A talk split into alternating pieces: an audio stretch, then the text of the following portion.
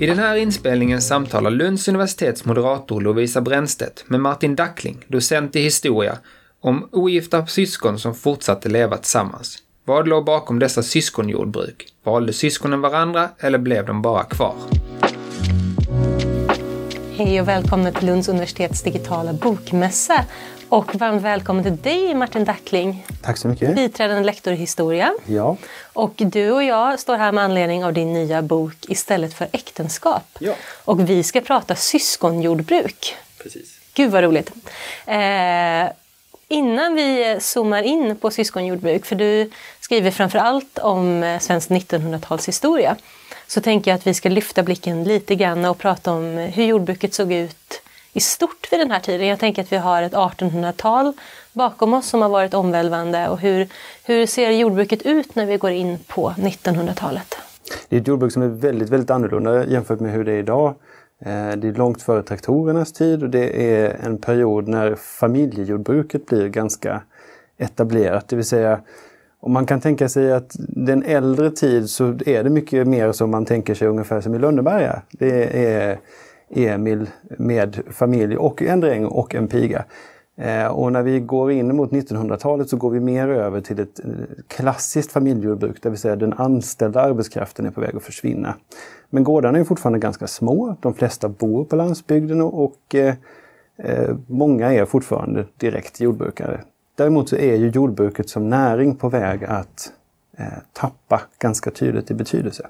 Och fler och fler folk flyttar in till städerna och får andra yrken och så. Det är därför den arbetskraften, den anställda arbetskraften så att säga, försvinner också. Det är en anledning till. De får mer betalt i industriyrken och eh, ja, möjlighet till ett annat liv. Så det är ju en stor anledning till att många lämnar jordbruket. Och i det här 1900-talets Sverige så är det inte alldeles ovanligt med syskonjordbruk. Nej. Hur, hur, vanligt förekommande är det här? Eller ska vi börja med, vad är ett syskonjordbruk? Ja, ett syskonjordbruk det är alltså helt enkelt minst två, men de får vara hur många som helst, då, syskon som eh, bor tillsammans och driver ett jordbruk ihop.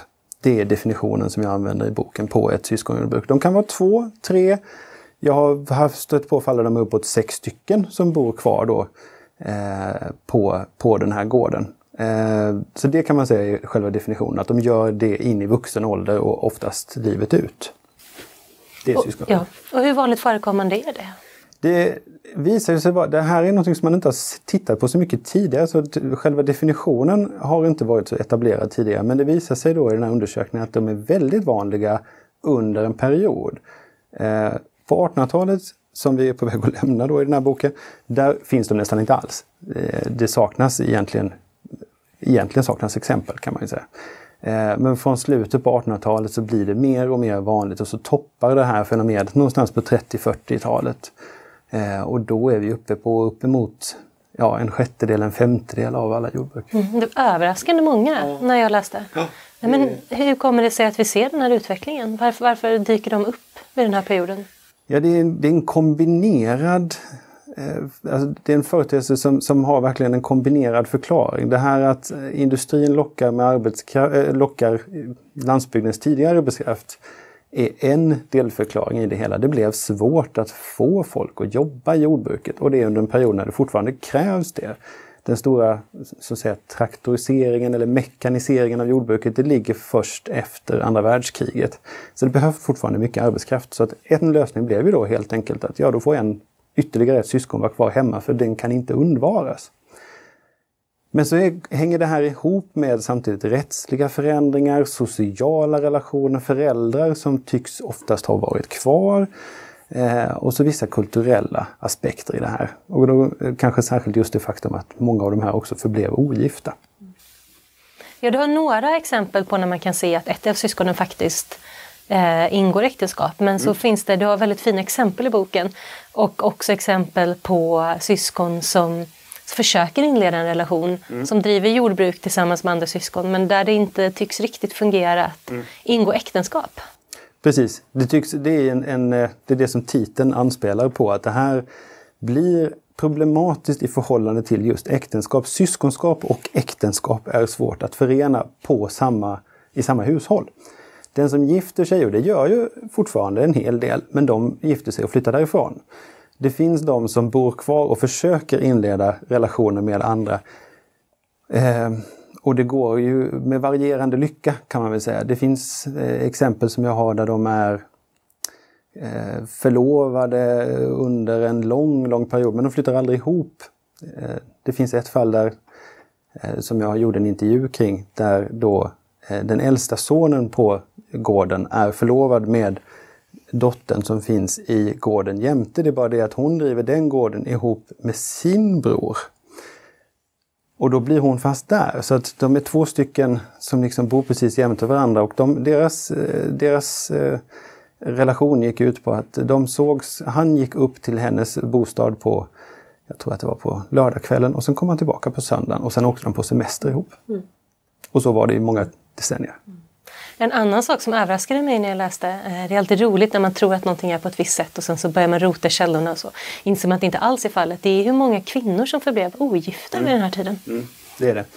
Eh, och det är ju många gånger kan man ju säga att i de här exemplen så är det många gånger så att det är kvinnor, alltså döttrarna på de här jordbruken som har blivit kvar och ibland förmåtts eller tvingats att stanna kvar och, kanske då också att tvingats att icke gifta sig. Eh, ibland för att det behövs, en, eller många gånger ska jag säga, för att det behövs en kvinna i jordbruket. Någon ska sköta det där hushållet, de inre hushållsgöromålen och det som traditionellt var kvinnans arbetsuppgifter i det gamla jordbruket. Och kanske också att ta hand om en eller två gamla föräldrar. Så det har jag också många exempel på eh, där man helt enkelt har sagt att du får inte gifta dig. Du ska vara kvar här. Det går inte om du flyttar härifrån. Vilka öden! Ja, det, det, det har varit eh, lite drabbande öden, en del av, eh, av de som jag har i boken. Ja, för någonting som du nämnde att du, att du har gjort en intervju. För man tänker lätt det här syskonjordbruk, ett liksom icke traktoriserat jordbruk, det här ligger ganska långt bakom oss. Men du har ändå som historiker faktiskt lyckats göra intervjuer. Mm. Ja, och man kan säga att å ena sidan har jag lyckats göra intervjuer och bygga en hel del av undersökningen på det. Å andra sidan kan man säga att jag var 30 år för sent ute därför att de som det här i huvudsak handlar om de finns inte kvar. Därför att syskonjordbruket var en företeelse som var runt strax före mitten på 1900-talet och sen så har det blivit mer och mer ovanligt och de som var kvar blev äldre och äldre. Så de flesta intervjuer har jag ju inte gjort med de som har varit själva syskonen utan istället med syskonbarnen. Eh, ett av syskonen har gift sig och då nästan alltid flyttat ut och haft en, men då haft en stark relation till fastra farbröder eller mostrar morbröder som finns kvar på den här gården. Och de har jag då kunnat eh, träffa och intervjua. Eh, så att via olika efterlysningar så hittade jag eh, ungefär ett 30-tal som jag har intervjuat runt om i Sverige. Mm. Och jättefina och som du säger ganska drabbande vittnesmål om, om hur deras liv tedde sig. Ja, man kan säga att det är verkligen det här syskonskapet, det är så tydligt att det har varit istället för ett äktenskap. Det är det som har hållit ihop deras liv. Eh, med mycket eh, olika följder, för det får ju bland annat följden att medan ett, om man gifter sig, framförallt om man bildar familj, så får man ju att åren ser väldigt olika ut. Barn växer upp och relationer förändras. Men på många av de här gårdarna så är ju det, det centrala som händer i hushållet att ingenting händer, utan åren bara rullar på efter varandra. Och de blir bara äldre och så småningom dör de. Men det händer ingenting annat egentligen. Och inte heller, du tror upp att man saknar drivkraften att lämna över gården till någon eftersom man inte heller då skaffar några barn? Ja, i några fall så är det, är det, så att det där blir ett problem därför att man vill, det kan vara att en gård har varit en släktgård i flera hundra år och då vill man lämna över till dem men det finns inga egna barn. Men då kan det finnas just syskonbarn. Mm. Så att ibland så har det varit väldigt tydligt strävan att den ska lämnas över. Men i de flesta fall så är det tydligt att de, som, de här syskonen som är kvar, de är den sista, åtminstone den sista aktiva generationen på den här gården. Så de vet om att de är det sista av sitt slag. Mm. Hur ser sammansättningen ut? Prata, är det vanligt, är det två bröder, två systrar, är det systrar och bröder? Ja, det absolut vanligaste som, eh, konstellationen som jag hittar det är en syster och en bror. Och det är återigen det här att det är liksom verkligen istället för äktenskap. Det är ju för den som inte är förtrogen med förhållandet så kan det ju närmast se ut som att det är ett äldre par som bor där. För de heter, de har samma efternamn, de är ungefär lika gamla och de, de ser ut som ett äldre par på, på landsbygden antagligen gjorde vid den tiden. Eh, den typen av misstag har, har, har jag stött på själv i, i min egen släkt, att man har misstagit mina min farmors syskon som var, bodde ihop för att vara gifta istället. Eh, så det var den vanligaste konstellationen, en bror och en syster. Men sen fanns det andra också, att det kunde vara två bröder, det kunde vara två, bror, eh, två bröder och en syster. Det är ovanligt att det har varit många kvinnor.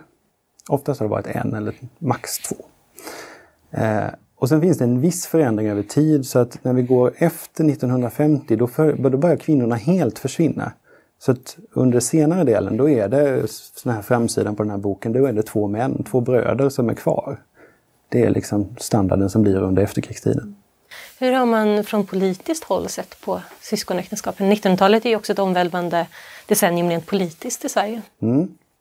Det är det ju och eh, man kan ju säga att jag tror, min bild efter att ha gjort den här undersökningen är att man från, från samhälleligt håll har varit, eh, inte riktigt sett storleken på det här. Man har varit medveten om det och eh, samhället har ju mest eh, handskats med det här utifrån ägandefrågor. Alltså hur, hur jordbruk har ägts. Och då kan man se att det här dyker upp eh, när man börjar med starkare strukturrationalisering i jordbruket. Det är framförallt under efterkrigstiden.